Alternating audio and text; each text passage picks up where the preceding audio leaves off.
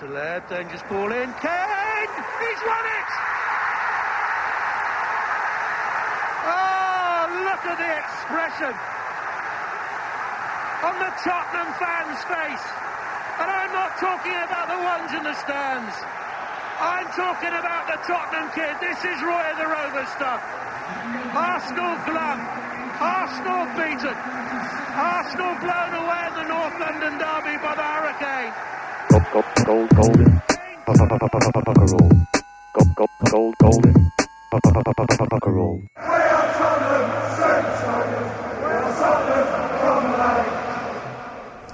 hører på Golden Cockrell. Vi er Tottenham Senders egen podkast. Og i starten av denne sendingen så hørte du deilige lyder fra Nord-London Derby, hvor vi selvfølgelig vant 2-1.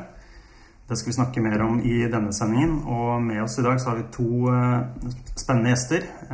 Helge Kalleklev, velkommen til deg. Takk. Du er jo eh, reporter i TV 2, og mange kjenner deg fra mm, disse programmene Premier Leagues f.eks. og Deadline Day. Jo, jeg håper det. Og så har vi, og du er Tottenham-sporter, ikke Ja, minst. Det er det viktigste i denne sammenhengen. Og så har vi med Eivind Bisgaard Sunde. Du er eh, ikke Tottenham-fan sånn direkte, men en fotballmann i hvert fall.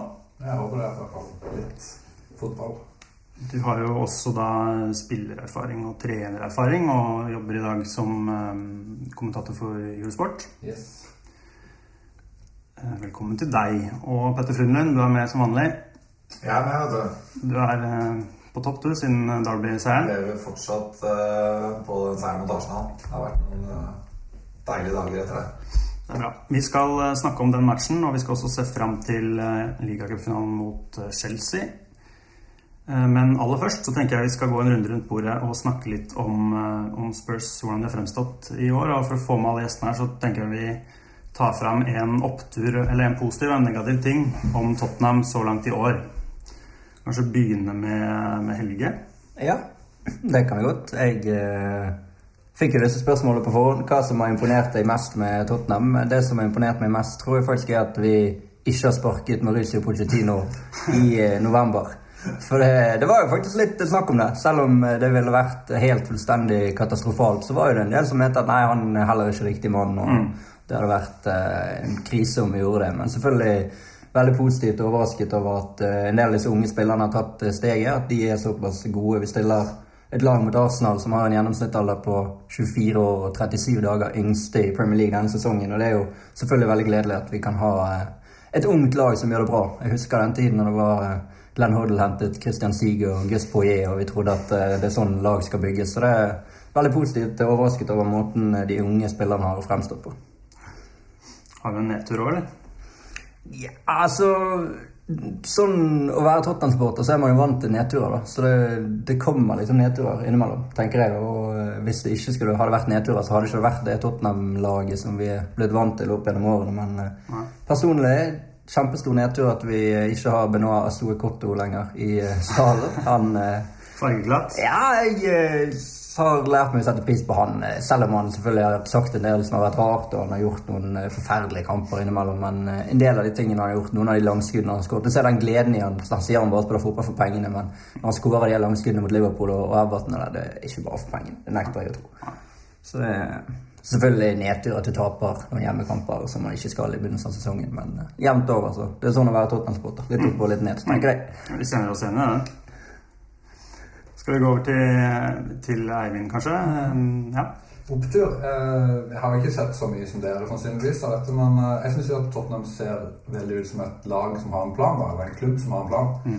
Som eh, det kanskje ikke har fremstått sånn de siste årene. Jeg syns både når det gjelder spillestil, så har de liksom en klar definert spillestil. Høyt press.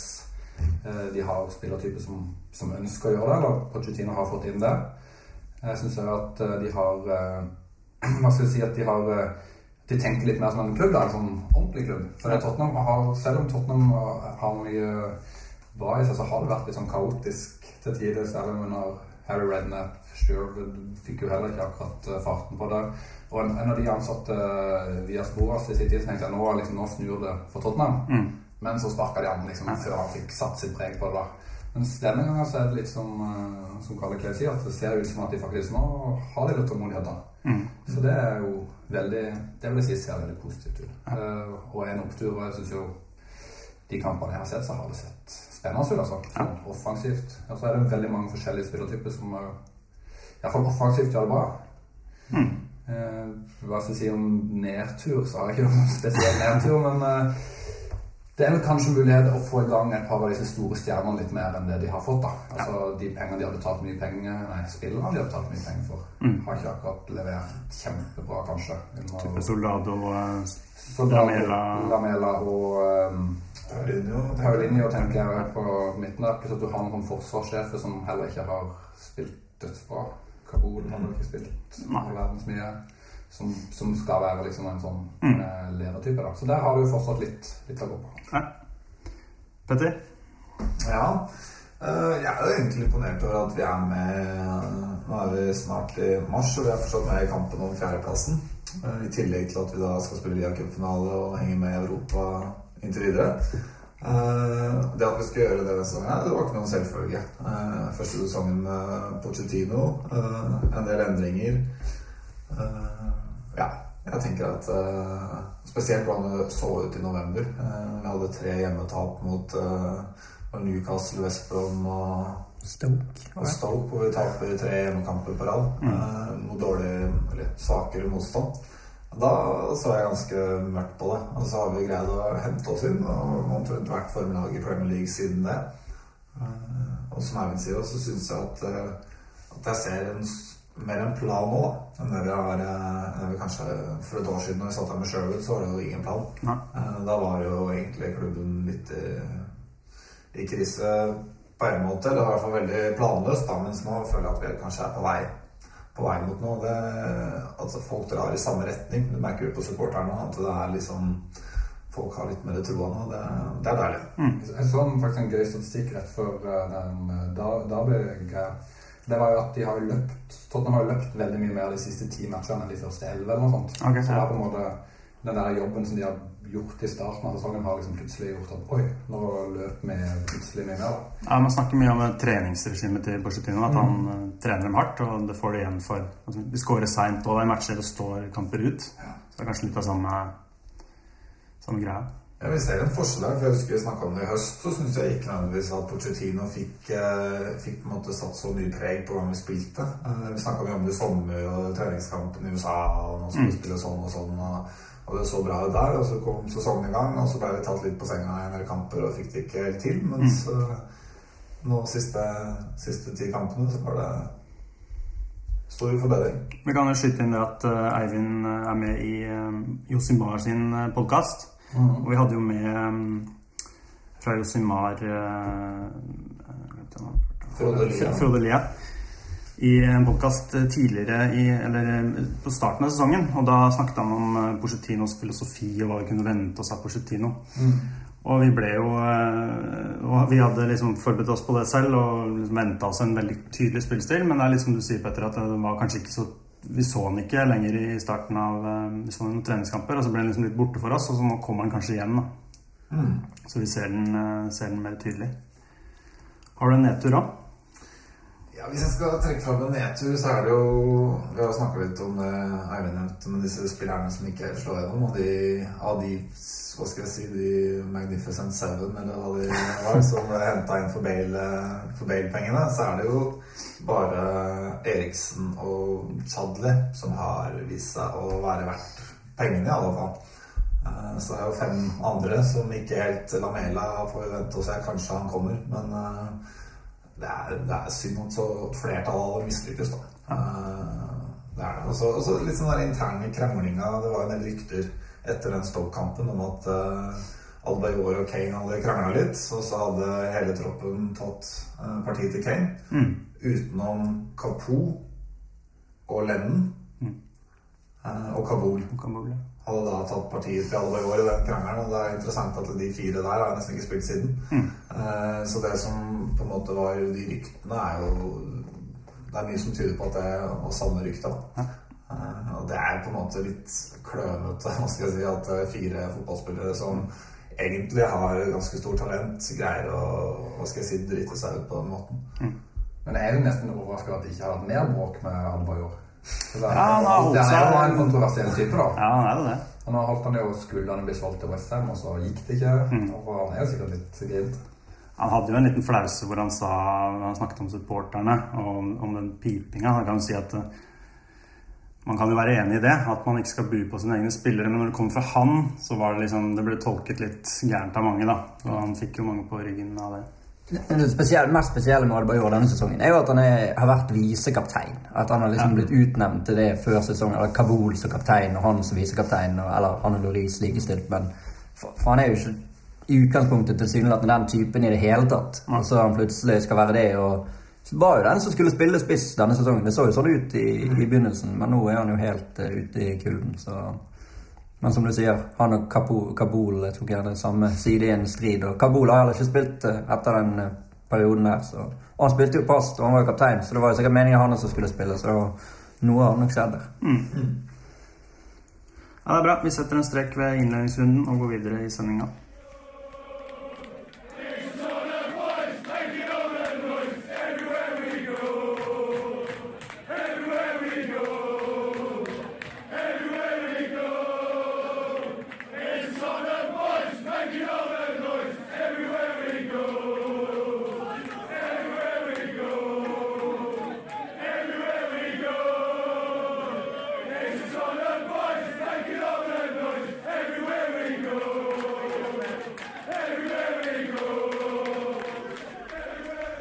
Ok, Vi kjører videre i podkasten, og nå skal vi selvfølgelig snakke om eh, Nord-London Derby. Vi må eh, dvele litt ved den matchen. Det er deilig å ha noen sånne oppturer som vi kan eh, kose oss litt med midt i sesongen. Det er jo virkelig en opptur å slå Arsenal. Eller hva sier du, Petter? Ja, det er det beste som fins for en Tottenham-supporter. Nå har vi jo slått uh, våre tre største rivaler denne sesongen her. Arsenal, Chelsea og Westham. Forrige sesong så slo vi ingen av dem, og det var en stor nedtur. Uh, mens nå har vi tatt rotta på alle tre, og det er nydelig. Eivind, du, du satt i studio eh, med TV 2 under matchen. Hvordan opplevde du Nei, det var en, eh, det var en veldig gøy match. Kjempegøy. Eh, Det var bra stemning, og det var på en måte bra spiller.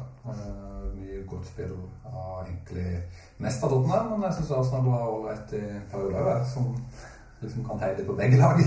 Så det var en, det var en veldig, veldig god match, og jeg syns at det var veldig bra med ja, det er den der som vi snakka om i starten her med Tottenhams uh, unge lag, da. Og at det er lagspillere som er oppfostra i egen klubb. Mm. Uh, at det er de som viser vei og er viktige, syns jeg var, var bra. Mm. Helge, hvordan var din uh, dag?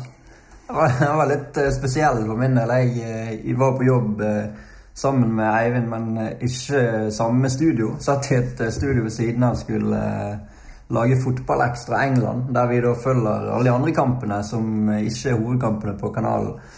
Første omgang var grei. Da var vi ikke på på luften i det hele tatt. Vi forberedte eh, sending. Da kunne jeg selvfølgelig sitte og se på. Gikk inn i vår sending på stillingen 0-1 og hadde Fotballekstra England begynte kvart på tre, samtidig som andre omgang begynte på White Hat Lane. Hadde selvfølgelig TV-en på, men vi skulle da snakke oss gjennom lagoppstillingen til de fem andre kampene som skulle begynne klokken fire. og ha fokus på det, og hvordan ligger det an, og hva er forutsetningene for at eh, det og det skal skje på helt andre arenaer.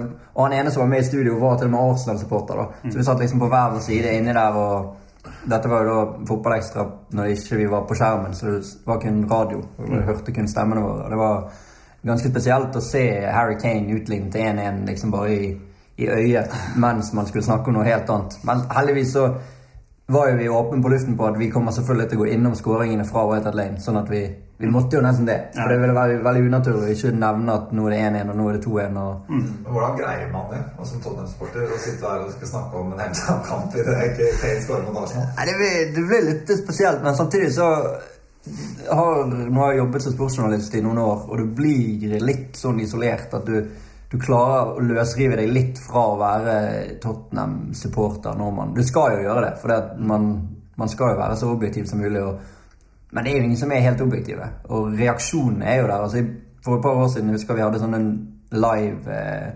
saker på nettet der du skrev, vi skrev sånne journalistiske saker som ble vinklet om underveis i kamper. Jeg husker, Dette var ganske tidlig da jeg begynte i TV 2. Vi spilte bort mot Manchester City i den kampen der eh, Defoe bommer på den enorme sjansen, og så skårer Balotelli på straffe etterpå. Og liksom, Jeg satt jo der og skrev vinklingen. sant, At Tottenham hadde kommet tilbake. Gareth Bale hadde skåret. Det var vel 2-0 til City, tror jeg. Så ble det 2-2. Og liksom Fantastisk opphenting av Tottenham. Og så var det nesten Defoe skåret den, så da var det rakk akkurat å vinkle om saken på at uh, Defoe nære ved å bli matchvinner i fantastisk snuoperasjon, og så bam! Så lager Lady King straffe, og så må du Så jeg lå jo på gulvet i ti sekunder før jeg var liksom oppe igjen på plassen min og, og skrev videre. Sånn. Så det, men, men samtidig så du, du må prøve å være profesjonell, da. Og prøve å forholde deg til det du skal eh, holde på med. Men eh, det er klart det var vanskelig. Men akkurat her så skårte jo Kane de to målene, og da ble det naturlig å hylle han. Så det, det, jeg håper jo ikke det skinte igjennom at jeg var for glad for at han hadde skåret i målet fordi jeg var Tottenham-fan, men skulle hylle han som fotballkommentator. Du, satt jo, du er jo satt jo i studio sammen med Alexander Schou, som også er Tottenham-supporter. Hvordan, hvordan var det å sitte med han? Nei, han han, var avmålt til å være, Tottenham-supporter. synes jeg. Han eh, er en profesjonell type, liksom. Jeg tror det var viktig for han å ikke være, altså være veldig sånn ikke, ikke være for glad i etter kampen eller være for lei seg i pausen. Sånn. Men jeg syns ikke han viste så mye sjøl heller under, under han vi satt og Han har vel vært litt lenger i gamet enn meg også, sant? men jeg håper jo at jeg kan komme der en gang, jeg også. At jeg klarer å være 100% profesjonell på jobb. Også. så Så vet vi det, at du Ja da, det skulle du vite. At jeg sitter og knytter hånd hvis, eh, hvis Jeg har jo, jeg har jo en jobb der jeg jobber jo innenfor på en uh, barnevernsinstitusjon. Uh, der er det jo turnusjobbing, så jeg hender jo at jeg må jobbe samtidig med, med kamp. Heldigvis ikke Tottenham Arsenal, men uh, andre kamper. Og jeg, min måte å løse det på er at jeg må, jeg må låse meg inn på do rett og slett og sjekke stillingen. Uh, for å kunne avreagere. Så jeg ligger langflat på gulvet på, på jobb. Det er et stort toalett, altså. Det er et stort toalett, så det er mulig å utagere i uh, både positiv og negativ forstand. Nei, vi må, vi må innom Harry Kane igjen. Eh, Vi snakket jo om han i forrige sending, og eh, det har jo vist seg i matchen etterpå også at han bare fortsetter å storspille. Og nå eh, har han vel mer eller mindre blitt plukka opp av landslaget, og det er jo fortjent. Og, fansen fortsetter å, å elske han. Hvordan opplever dere gutter eh, Harry Kane, og spesielt kanskje den matchen? Det er jo helt eh, utrolig. altså I den oppladningen til den kampen så snakket jo alle om dette med at han hadde vært innom Arsenal, og nå var det, han er fra Walthamstow, og nå spiller han endelig for å spille mot Arsenal, og det hadde vært drømmen hans å skåre mot dem og sånn. Stort sett alltid så skjer jo ikke det. Altså De tingene man snakker om at det er fantastisk historie. Det skjer av og til.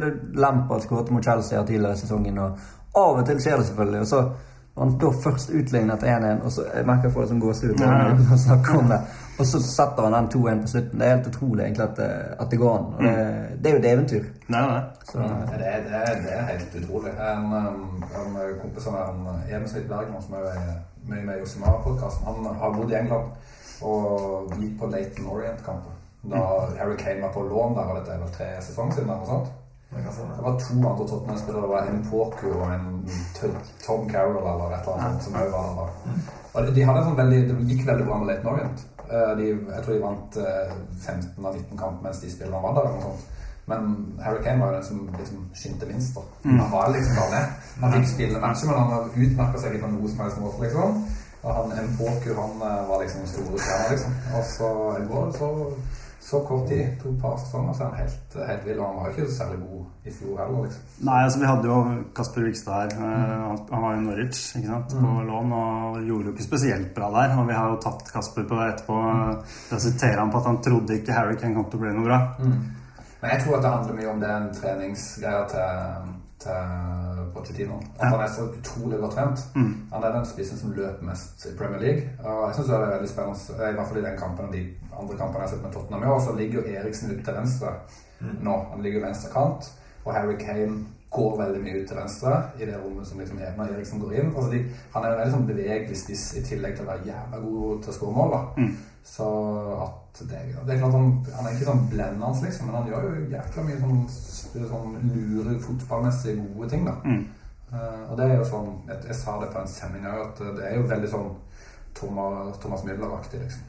Altså, Det er litt samme spillertypen som du ikke kan liksom se Kan ikke si hva han er god til. Mm. for han, han ser liksom helt normal ut.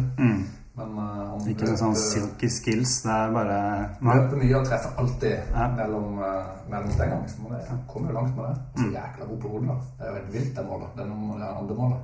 Ja, det er sånn uh, Peter Crouch som skårer sånne mål så da han er 20 cm høyere eller et eller annet. Men eh, kanskje ikke 20, men i hvert fall. Jeg synes det er han head ligger, og så bare header han, og så ser han ballen gå i mål, så begynner han å juble før ballen er i mål.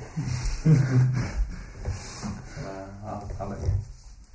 Og så Ja, altså det, altså det at han Vi har jo sett Harry Kane i flere måneder gjøre det bra, men det at han har gjort det mot Chelsea og Arsenal, liksom, Når han virkelig har hva skal jeg si, blitt en internasjonal eh, stjerne nesten. Fordi han, eh, han gjør det i de toppkampene. Han stjeler overskriftene i de matchene der, og det er sånn det blir en, eh, en legende.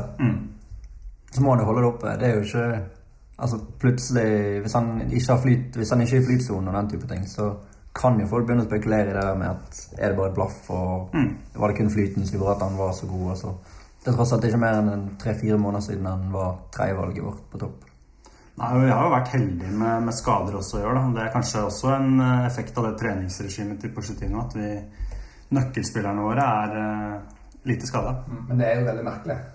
Ja, det- Fordi at han trener jo han Visstnok så trener han jo laget sitt veldig hardt. Ja. Og hvis du ser på andre lag som trener veldig hardt, altså Dortmund eksempel, som jeg kjenner godt fra Tyskland, så er de jo alle skada hele tida. Så det er liksom sånn, Og den spillestilen som man ønsker, som er kraftkrevende, du presser høyt, du går hardt til, det, altså, og, det, er, og i England er det så mye kamper. Ja. Så at de spilte mot Arsenal og ikke har noen skade i troppen, er jo et under, rett og slett. Det har vært sånn hele sesongen. Omtrent ikke hatt en eneste skade. Ingen- Bare sånne to uker, tre uker. ja. Ja, og selv de hadde vært få. Altså. Ja, ja. Da Lamela var ute noen uker nå. Da, har liksom, det har som regel vært én eller to spillere ute, og de har vært korttidsskada hele sesongen. Kan jo også ha noe med nye treningsanlegg å gjøre. At vi har veldig proft anlegg og, og sånn medisinsk apparat og alt det der rundt da, som er veldig, veldig bra. Ja, de trener, trener riktigere, da, Ja. kanskje. Altså, Mengden er gjerne økt, men samtidig kvaliteten og Jeg sier ikke at Dortmund trener feil, men, at, Det det ja, men kanskje det ligger noe i det. Altså. rett og slett uh, trener riktig og med riktig mengde. Så. Så må vi innom stemningen på White Hart Lane, fordi eh, jeg føler at uh, kanskje Porcetino har knekt en liten kode her. Han har fått med seg uh, en kjerne av spillere, unge spillere, som drar lasset. Og så har han også etter hvert fått med seg fansen. Og, eh, og spesielt kanskje den Arsenal-kampen var et sånn høydepunkt for meg hvor, eh, som viste at vi litt, Den der litt eh, sure trenden eh, som har vært noen år, har, har, har snudd. Nå er det liksom Alle drar i samme retning, da, som Petter sa. Hvordan opplever dere, dere det, spesielt dere som er fans? Petter? Det er det at vi har, vi har såpass mange unge spillere fra eget akademi eh, som jeg tror mange supportere kan eh, som gjør det bra. da, Som vi kan relatere oss til. Vi ser at det er spillere ute der som gir alt. De gir eh, virkelig gjerne at vi skal vinne kamper, og det så du mot Arsenal da vi havna under. eh, 1-0. Så var stemningen på White Lane fantastisk fortsatt. Tottenham-fansen sang jo ut Arsenal-fansen selv på 1-0. Og det tror jeg handler mye om at, at du hadde spillere som klinte til og viste at, at de ville snu der. Hadde hatt en sånn halvinspirert Adebayor rundt, på topp, så tror jeg ikke jeg hadde fått den stemninga heller. Eh, Så jeg tror på en måte publikum og spillere hjelper hverandre litt da, med å ha den type innstilling. Mm, det er sikkert riktig. Jeg har bare vært der to ganger på et Hart Lane denne sesongen. En gang var jeg på pressetribunen. Er litt vanskelig å si hva stemningen var der. Kanskje forvente at de som sitter der fra britiske medier skal juble og sånn. Det var mot Liverpool. De tapte 0-3. Og da var det, følte jeg det var ganske daft, altså. altså sånn eh, at den nedturen var ikke folk innstilt på å hjelpe folk opp, eller hjelpe laget opp igjen fra, rett og slett. Men eh, Og så var det mot Sunderland nå i januar, og da da var det jo 1-1 ganske lenge, og så uh, følte jeg likevel at ikke det var så gale. da. Og så fikk de jo da målet på slutten. Så, så er det vel kanskje sånn at supporterne merker at det hjelper, rett og slett. At, uh, Ja, kanskje noe i det. og... Så har vi avgjort så mange kamper på slutten. Ja, ikke sant? Ja, det er håp, da. Morsomt å være på en sånn bortekamp hvor du får en seint. Eller, eller forsøke å snu en hjemmekamp mot Arsenal. da. Det er jo supermorsomt å komme bakfra og vinne. Så jeg merker liksom at du at i mye større grad enn tidligere så sitter jeg på slutten av kampene og, og tenker at det her skal vi greie. Selv på Anfield nå sist. Normalt sett så ville jeg kanskje slått meg til ro etter 80 minutter på at eh, 2-2 her er et bra resultat og bare å kjøre ut. Men mm. mot, mot Liverpool satt jeg her og tenkte at nei faen, jeg bare kjører på vinner den kampen her. Ja. Og det er litt uvant uh, som Tottenham-supporter. Uh, og litt, litt deilig også. Uh, litt mer offensiv innstilling. Og så har vi så, sånne nye sanger òg. Den der 'Everywhere We Go' den er jo en sånn som runger nå. en sånn evigvarende sang, egentlig. Jeg vet ikke hva du tenker, Petter? Vi har snakket litt om sånne ting før. Ja, det er litt sånn utypisk engelsk, da. Eh, engelsk studentkultur har jo tradisjonelt sett vært veldig at man skal ha litt mer sånn spontane, korte rop, da. Eh, det han her er jo mer eh, i retning av en eh, hva skal jeg si, en kontinental ja, Sånn italiensk-aktig. Ja, litt sånn evighetssang. Eh, s- så det er mange engelskmenn, også Tottenham-supportere, som har vært litt sånn skeptiske til den sangen. Men så har det likevel vist seg å være såpass skaper så god stemning. da. Så mot Arsenal så merka du at eh, det var noe av grunnen til at det var så god stemning, var at den sangen ble sunget og sunget og sunget. Eh, og det er klart at hvis man, hvis man er der og opplever det og ser at det har en at det hjelper på banen òg. At det er en sånn sang som runger og går, så er man villig til å svelge en kanel eller ti. Det er samme det, så lenge, så lenge det er god stemning og laget responderer på. Ja, du kunne sikkert vært med i mange bevegelser du for, før. Mm. Men er det ikke en sang med, med soldater som er litt fin for tida? Jo, det, sånn, han, det er jo litt rart. da. Det har også du kommentert før, Petter, at Soldado har ikke vært en sånn braksuksess. Men de synger jo, eller vi synger jo om han Men, men uh, Denne sangen er jo 'He comes from sunny Spain Ja. to play at White Hart Lane'. Nå har hun begynt å synge 'He comes from sunny Spain to play with Harry Kane'. To train with Harry Kane. Train Harry Kane. Åh, jeg lo så godt med jeg hørte det. Skal vi ta inn noen eh, Vi, oppfordret lytterne til å sende inn, spørsmål, sende inn noen opplevelser på Facebook, så vi kan ta inn litt av hva de har, eh, hva de har sendt inn. Roy Jacobsen, f.eks., han sier ja, For det første, vi spurte hva var deres opplevelse fra, fra den dagen, fra denne kampen. Roy Jacobsen han sier utvilsomt når eh, Kyle the Machine Walker spilte ballen forbi Ødsel på den ene siden, før han løp rundt på den andre siden og tok en hælfinte når han pressa ham på nytt. Nei, situasjonen husker jeg ikke. Jeg elsker den uh, først og fremst fordi jeg måtte se kampen i reprise dagen etterpå. Men ja, jeg tror det var en periode der hvor vi hadde Hvor det varte sånn to minutter eller noe sånt, hvor vi bare kjørte på og angrep. Hadde flere angrep i den perioden, og med en gang vi mista ballen, så vant vi tilbake med en gang. Og det virka som Arsenal ikke visste hva de skulle gjøre. Abbas Hamdani han sier gåsehuden av å komme inn på White til super stemning. Han var litt sent ute, men komme, komme til det, lagene kom ut av tunnelen. Det er en spesiell følelse da, for oss som er supportere å gå opp der. Og jeg vet ikke, Du smarta veldig mange ganger, Petter. Har du den enda, den følelsen? Min ja, På en måte ikke. Eh, Men sånne kamper som mot Arsenal, så får man litt tilbake. Ja. Da merker man at, eh, at det liksom ikke er en hvilken som helst eh, kamp. Da er man, har man høyere puls, og man er liksom mer, mer gira. Kim Sture Olsen han sier formen til Dembele. Det er godt å se han glimte til igjen. Det er et poeng eh, som jeg er veldig enig i. Han har vært god de siste kampene. Fått I en litt, eh, ny rolle. Mm, har fått den rollen som han kanskje trodde han skulle ha i utgangspunktet når han ble hentet inn. og Han var jo I Fulham var han litt sånn spiss og litt ute på en kant og litt i en hengende spissrolle. Og så skulle han plutselig være den dype sentrale midtbanespilleren i Tottenham. Og så gikk det veldig bra i begynnelsen. Da var han jo, hadde han jo full kontroll på den rollen. og Det ut som han var eh, thousand dollars der. Og så ble det bare mindre og mindre bidrag fra hans side. og han er jo en fantastisk spiller. Han har jo eh, noen egenskaper som ingen andre har. Altså han, når han har dagen, så mister jo ikke han ballen. Jeg tror jeg kunne hatt, vært ute på Løkka en time mann uten å få tak i ballen. Ja, tror jeg. han er seig. Vi må ta med et par til her. Stian Aas han sier uttrykket til alle Arsenal-supporterne på Smiths i Bodø da de innså at kampen var snudd og, de, og det ble tap. Han har aldri følt mer gledes igjen. Og så tar vi med en til, og det er Gøran Holmstrøm som sier da eh, min mor på 74 hoppet opp eh, for å gi meg en klem og ropte ja. Så det er mange, mange gode opplevelser her.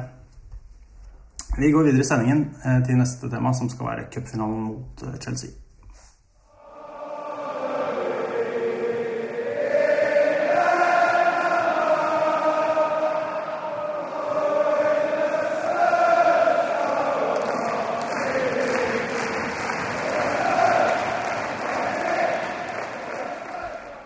Vi skal eh, videre i sendingen og snakke om ligacupfinalen mot Chelsea, som er 1. mars. Og altså, det er morsomt å se tilbake på disse godbitene fra sesongen, Arsenal-matchen f.eks., men vi må også se fram. Og dette er jo en stor begivenhet. Cupfinale er alltid gøy. Eller hva, Petter? Cupfinale er helt klart det morsomste en fotballsupporter kan oppleve. I hvert fall fram til uh, kampstart.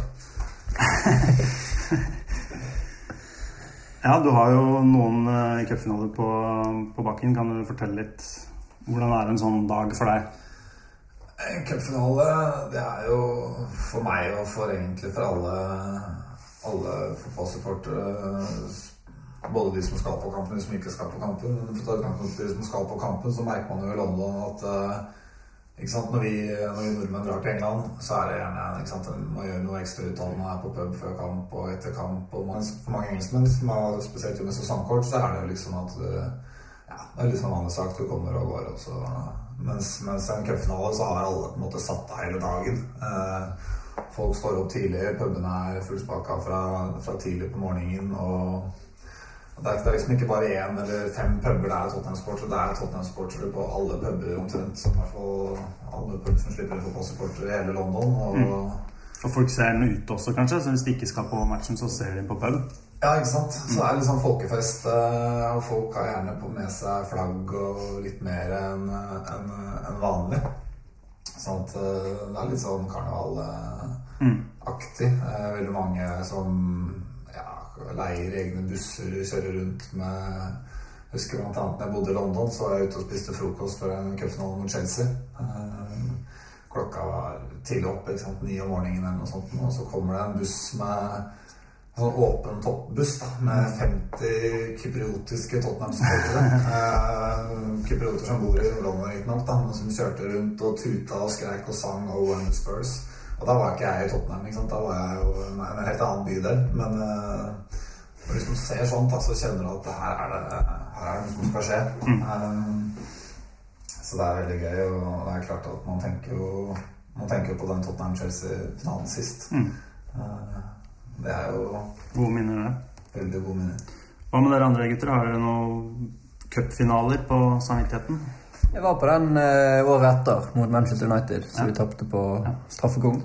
Uh, det, var jo, ja, det var jo uh, litt annen opplevelse sikkert enn Du var gjerne på begge, Petter, eller? Ja. ja. Men altså Det var jo veldig Det var stort å se Tottenham på Wembley, selvfølgelig. Mm. Det var fantastisk, det å komme opp der og så liksom de der bandene med Ferguson og Rednap som hang ved siden av hverandre. Og, og gå den lange veien opp mot Wembley der var jo stort. Det var også på ligacupfinalen mellom Swansea og Bradford i 2013, eh, var det det? Ja. Og det merket jeg var litt sånn annerledes. Eh, for der hadde begge lag vunnet på forhånd, og der var det på en måte, de jublet hele kampen. Og jeg sto blant eh, Bradford-fansen, og selv om de lå under 5-0, så sang de de siste 20 år. Det var, så det er sånn isolert sett, utenom de opplevelsene jeg har hatt som Tottenham-supporter, kanskje en av de største opplevelsen jeg har hatt som fotballsupporter i det hele tatt. Mm. For det supporterne til Bradford var rett og slett helt uh, fantastiske. Så, uh, og selv om det i hermetegn bare er ligacupen, så er jo det på en måte den muligheten de har i kanskje livet sitt å komme til Wembley. Bortsett fra Bradford har jo bare tatt helt av med tanke på Wembley-kamper i det siste. Det er vel bare én kamp for å være der igjen i år, men uh, der og da var det i hvert fall lite sannsynlig at de skulle få oppleve det igjen. Så det, det var ganske stort. Men mm 0-0-finalen mot Manchester United. Det var, jo, det var jo selvfølgelig skuffende at de tapte en straffekonk. Ja, det var ganske gode, syns jeg. Ja, det var Fortjente egentlig å vinne, syns jeg. da, men... Eh, ja, da. Hadde jo et godt lag. Hadde jo ja. Luka Modric. Mm. Jermaine Janis. Hva med deg, Eivind? Har du, følge, har du dekket noen cupfinaler fra Bundesliga, f.eks.? Eh, nei, det er de på Viasat, faktisk, som ja. har uh, tyske cupen. Uh, men uh, det var en veldig svensk cup i fjor. Men uh, det av Tottenham-kampen som husker jeg best uh, blir vel 90 eller når det var først Arsenal-Tottenham i semifinalen. Ja, ja. Så var det Tottenham Forest, var det ikke? Mm. Mm, det husker jeg, men jeg har ikke noen veldig andre, andre store minner fra Tottenham sin rike cuphistorie. Nei, for Tottenham har en rik cuphistorie. Da tenkte jeg at Petter skal minne oss litt på den. Vi har egentlig en ganske unik uh, statistikk i cupfinaler. For Tottenham har spilt 19 cupfinaler. Uh, da snakker vi om FA Cup, uh, Lia Cup og Europa, Europa. Og av de 19 finalene så har vi vunnet 15 av dem. Eh, Så det er jo en ganske imponerende, imponerende statistikk. Eh, Hvis vi ser på nye Wembley, så har vi jo spilt eh, Hvis vi ser vekk fra preseason-turnering, så har vi spilt fire ganger og bare vunnet én. Vi tapte jo semifinalen i FA-cupen mot Portsmouth for Chelsea, så vi har en dårligere statistikk der. Men eh, tradisjonelt sett så har cupfinaler og Tottenham vært, eh, vært eh, hyggelig lesning. Og også cupfinale mot Chelsea. Ikke sant? Ja, både i 1967 i FA Cup-finalen da, og i 2008 da, sist mot uh, Elia-cupfinalen. Så vi har kanskje et uh, Jeg vet ikke hvor mye Matic går rundt og tenker på cupfinalen i 67, men uh, jeg, jeg liker å tro at vi har et psykologisk overtak. Uh, Ja, så har vi den matchen fra, fra White Hart Lane tidligere i år hvor vi var veldig bra. Vi vant. og Jeg vet ikke om det fyrer opp Chelsea litt, eller om det bør fyre oss opp også. Ja, Hva tror du om sjansene? Forhåpentligvis eh, fyrer det opp eh, begge lag, sånn at det blir en god eh, kamp. Den kampen tror jeg nok Matic kanskje tenker på, for der ble han relativt avkledd i 90 minutter. Og Gary Cale fikk jo kjørt seg voldsomt av Harry Kane der, så hvis han starter den kampen, så er han sikkert revansjesugen. Men hvis da Harry Kane får det til tidlig i kampen og får på en måte kampen inn i sitt spor, så er det selvfølgelig uten tvil en fordel for Tottenham at de har hatt den kampen i, i bakhodet. Ja, jeg har, jeg, det, det er sånn de der to lagene det blir jo veldig åpent uansett, tenker jeg. Så, og det blir sikkert en jækla god match. en uh, toppmotivert Mourinho der, så det blir, det blir jeg har høy puls allerede. Jeg var nesten Da ikke åpna cupfinalen mot Chelsea sist, så har jeg hørt flere historier i etterkant av Tottenham-supportere som når det var ekstraomganger og leda, vi leda 2-1, som ikke orka å se ferdig kampen. Folk som var på Wembley. Han var en, jeg hørte om en nordmann. Han var på kampen og hadde sikkert betalt en del tusen for brent. Og gikk ut fra stadion og la seg i den nærmeste parken og venta på at kampen skulle bli ferdig. Jeg har også hørt lignende historier om folk som sto på do og gikk på do for å på en måte slippe, slippe å forholde seg til kampen. Og det var liksom fullt av Tottenham-supportere som var på do og gikk rundt og bare Så det er mange, det er mange morsomme måter å reagere på spenning. Men vi har jo også et ganske tøft eh, kampprogram, og det, vet ikke, det er sikkert eh, også tøft for Chelsea, da. Men eh, de har jo kanskje litt bedre tropp og sånn. Men jeg vet ikke, hva tenker dere om det? Vi har mange, mange kamper inn mot denne matchen. Ja, så har vi vel en europaligakamp rett før, er ikke vi det? Jo. Den torsdagen. Mens Chelsea ikke har en Champions League-kamp, fordi mm. de spiller ikke Champions League den uken. Sant? Så det er jo spiller og kanskje inn, men uh, får håpe det gjøres et godt uh, utgangspunkt i den kampen som er nå i denne uken. da. Sånn at vi har uh, mulighet til å kanskje hvile noen mann i den bortekampen i Firenze hvis, hvis vi trenger det. For at uh, spille torsdag-søndag, man merker jo det selv om vi er godt trent. og det Det er klart. er jo Den spiller i hvert fall inn. jo eh, kanskje Jeg håper jo ikke det er grunnen, men eh, det er jo interessant å se at eh, etter gruppespillet i Europaligaen tok slutt, så har resultatene til Tottenham i serien eh, bedra seg betraktelig også. Ja. Eh, Jeg vet ikke om det er noen sammenheng der. Men eh, har, altså, Laget Tottenham har stilt, har jo gjerne vært veldig annerledes. Sant? De har ikke spilt med de samme folkene. Men forberedelsene må jo påvirkes, tenker jeg. da For det, det er jo kampen torsdag. Og I stedet for å da forberede laget inn mot kampen som går i helgen, så forbereder man jo laget først inn mot kampen som går torsdag, og da går du glipp av muligheten til å forberede gjerne fredag og kanskje lørdag også på en helt annen måte. Så selv om folk sier at de spiller med et helt annet lag, dette har ikke noe å si, så tenker jeg at det må jo, det må jo spille inn. Jeg vet ikke, sånn, de er tyske det, er lagene borte eller hjemmekamp kampen før? Kan borte før. Det er borte før, ja. så de må reise. Ja, reise riktignok ikke så langt, men ja, Nei, men tors, torsdag kveld. torsdagskamp Ja. du får nesten ikke trent, da. I grunnen. Før den eh, Nei, så det er en litt spesiell situasjon, egentlig. Det er nesten Ja, det er jo litt uheldig. For Tottenham vil jeg nesten tro. Og det er jo den der statistikken på at altså Hvis du ser på VM-sluttspill, sånn, så er det jo det laget som får hvilt mest, og som reiser minst, som vinner VM. Og det er jo litt hvis man ikke får hvilt og må reise da, før cupfinalen. Så tenkte jeg vi kunne bare eh, filosofere et par ord rundt betydningen av en finale. Selvfølgelig, en finale er veldig stort for oss, men eh, jeg mener vel at det kanskje har vist seg de siste årene at betydningen av FA-cupen og ligacupen, disse nasjonale cupene eh, At klubbene prioriterer dem ikke like mye lenger. Det er liksom Champions League, og så er det serien. Eh, hvordan er det i Bundesliga, f.eks.? I Bundesliga. Der føler jeg at tyske cupen står ganske sterkt fortsatt. Eh, Man har alltid, jeg syns jo alltid at man snakker om at liksom FA-cupen, norsk-cupen, er liksom det som står er liksom det sterkeste i hele verden. da. Men den tyske cupen står eh, bra, den. altså Det er alltid folkefest. og det er, det er mye, mye trøkk rundt i de kampene. Og sånn som I fjor så var det jo Bayern mot Dortmund i finalen, som gikk til ekstraomganger. og så et sånt oppgjør som man har hatt de siste årene. Eh, Jeg har ikke helt fått med meg at eh, statusen på FA-cupen er blitt borte, egentlig. Eh, Jeg syns jo kanskje at ligacupen alltid har ligget litt sånn man, man går for å vinne når man, hvis man er i semifinalen eller mm. kvarten eller noe. Eller så er det litt sånn ymse. Men jeg vet ikke Nei, altså det kan det kan hende det bare er en opplevelse eller en følelse, men eh, jeg vet ikke. Hva tror dere andre? Mitt inntrykk er egentlig at, eh, at nest, Jeg vil nesten si at Lia-cupen har fått mer status nå enn for ti år siden. ja. Hvis du ser, hvis du ser på hvilke lag som kommer til finalen, hvem som gjerne vinner og sånn, så er det det er ingen lag lenger som på en måte overhodet ikke bryr seg om Lia-cupen. Eh, Det er jo selvfølgelig mange som stiller svakere lag i innledende runde, Men hvis du ser Chelsea-Liverpool i den andre semifinalen, de gjør jo alt de kan for å vinne. Og Arsenal det er ikke sånn som stiller juniorlag lenger heller. Eh, Så akkurat FA-cupen har kanskje mista litt status. Lia-cupen så nesten har tatt seg opp. Sånn, eh, Men det blir sånn sammenlignet med Champions League, kanskje. da. Husker jo da når Tottenham kom til Champions League, så var jo det rett etter de hadde tapt den kampen mot Portsmouth i FA Cup-semifinalen. Og folk snakket jo om hva vil du helst. Vil du helst til Wembley, eller vil du helst For vi møtte Arsenal og Chelsea var det samme uken, eller i hvert fall rett etterpå. da. Liksom I et hypotetisk tilfelle, hvis du kan velge, så var jo det mange som faktisk sa at nei, vi FA-cupen er ikke så viktig for meg. Altså, jeg vet ikke det var sånn for deg Var det da du Du var vel ikke der borte da, Petter? var du det? Nei. Jeg bodde ikke der, men jeg var Nei. på alle tre kampene. Ja. Så jeg vet ikke om du opplevde noe av det sjøl, at folk var på en måte så sultne på Champions League da, at de ville ofre en FA Cup-finale, selv om det var da 19 år siden de hadde vært der.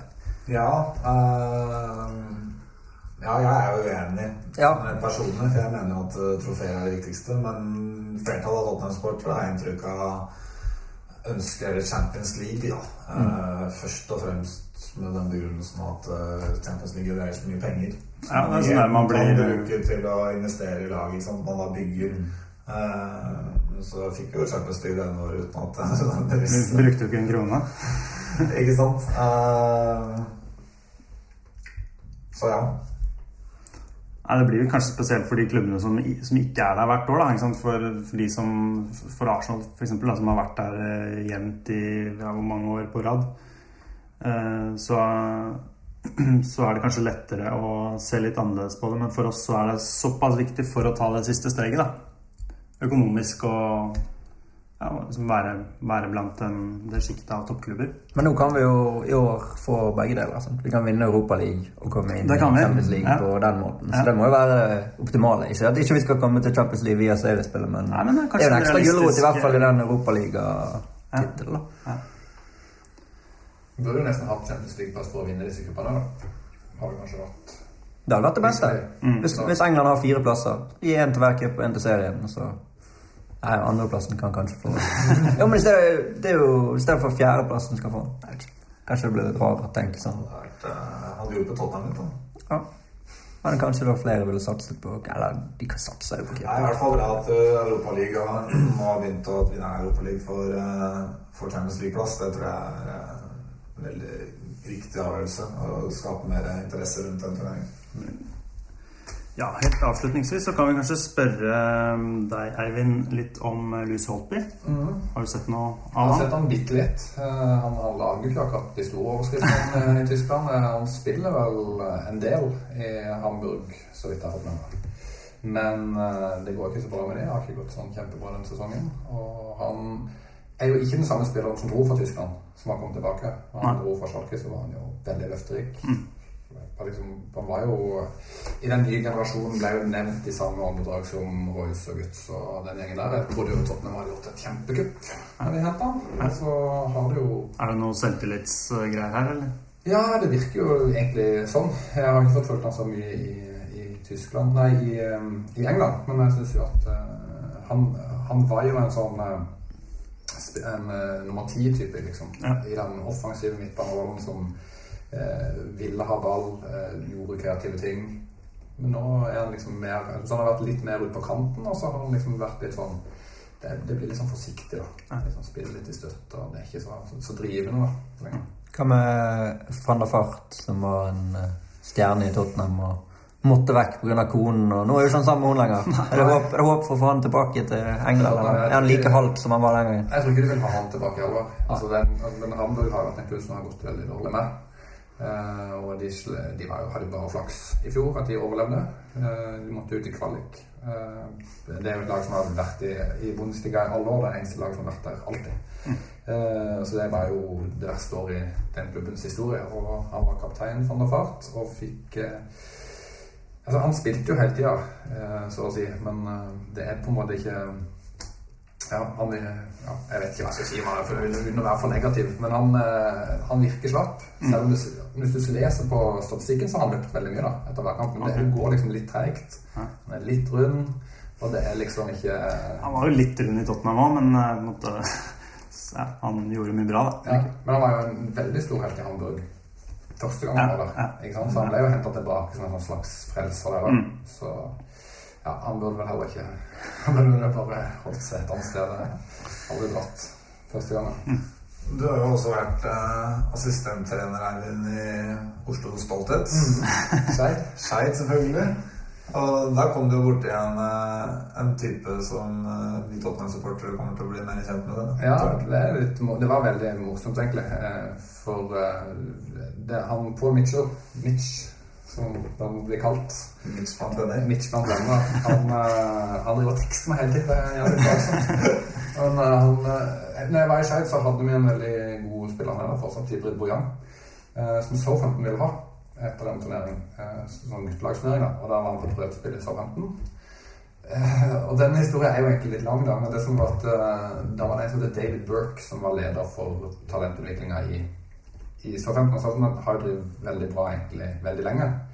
Eh, han var lederen der, for sjefen for det, og han hadde da kontakt med på telefon, så han fikk da mitt telefonnummer og sånn. Det var egentlig faktisk han gamle stopperen Nei, Beckham, Jason Dodd, Ja. som var liksom talentspiller som oppdaga han, han gutten. da. Eh, men eh, han, David Burke slutta på et eller annet tidspunkt i Southampton.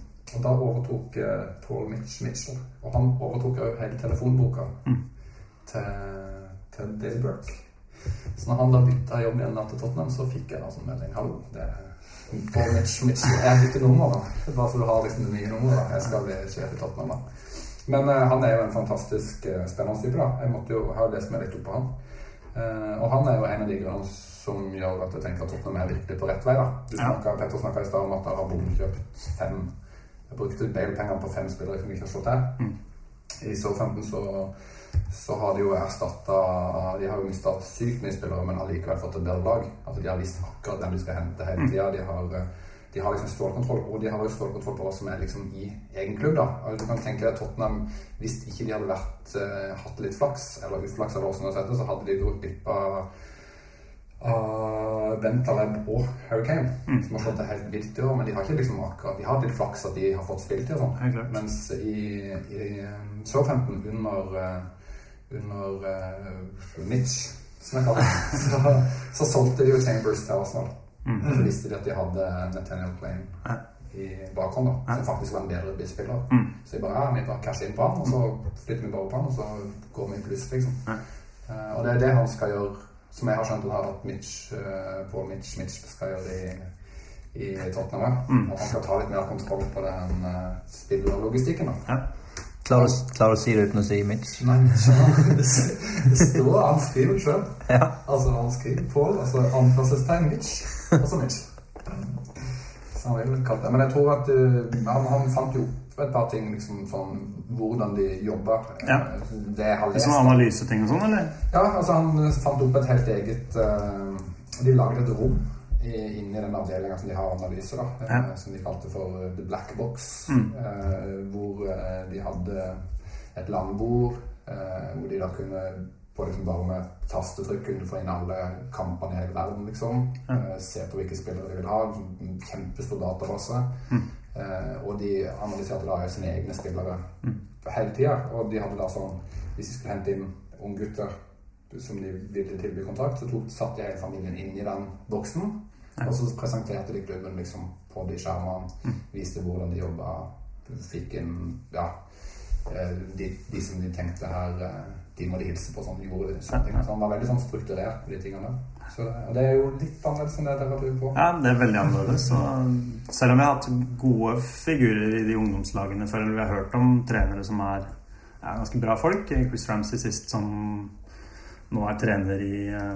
Eh, men eh, dette er kanskje noe mer sånn helhetlig, tenker jeg. Mm, Approachen er litt eh, ja, Ja, han heter han heter han heter han som er Han er jo Og det er jo liksom på en måte sånn som jeg ser det, så er det to måter du driver og rekrutterer spillere eller utenfra. da. Det ene er at du har jo nettverket, og det har jo han Valdini. Han er jo kjent i, i fotballverdenen. Ja. Det andre er jo å være jækla god på analyse og grundig og, og skjønne hva du skal kikke etter, og hva som er viktig og sånne ting.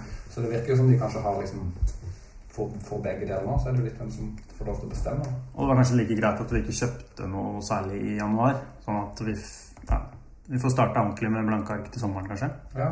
Med den filosofien. Jeg tenker jo sånn som det går som det har gått nå med Tottenham, så er det jo ikke noe vits å kjøpe heller. da. Så Nei. ikke jeg har, har noe som er perfekt. Nei, og ikke noe gleder Daniel Levi mer enn å utvikle disse talentene, og oss selge dem til Real. Ja, tror du Harry Kane går til det her? eller? Nei, jeg tror ikke det. Nei. Nei, det kommer han aldri til å gjøre. Nei, altså, altså Skårer han hver kamp resten av sesongen, så må han jo begynne å spekulere. Jeg tror det er et stykke igjen. Altså. Jeg tror det. Ja, det, det tror jeg ikke. Men jeg synes altså, han Bentaleb og Mason synes jeg jo er de som kanskje overraska meg mest når jeg så Tottenham denne sesongen. Ja. Ut ifra hvordan jeg har sett Tottenham tidligere, og at de har valgt å få sånne spillere som jeg har så mye løpskraft defensivt. Ja. Så eh, nå blir det mye prating. Men jeg så en sånn statistikk da, eh, at Tottenham ønsker å presse være det, det er samme United det laget som presser høyest da, i, i ligaen.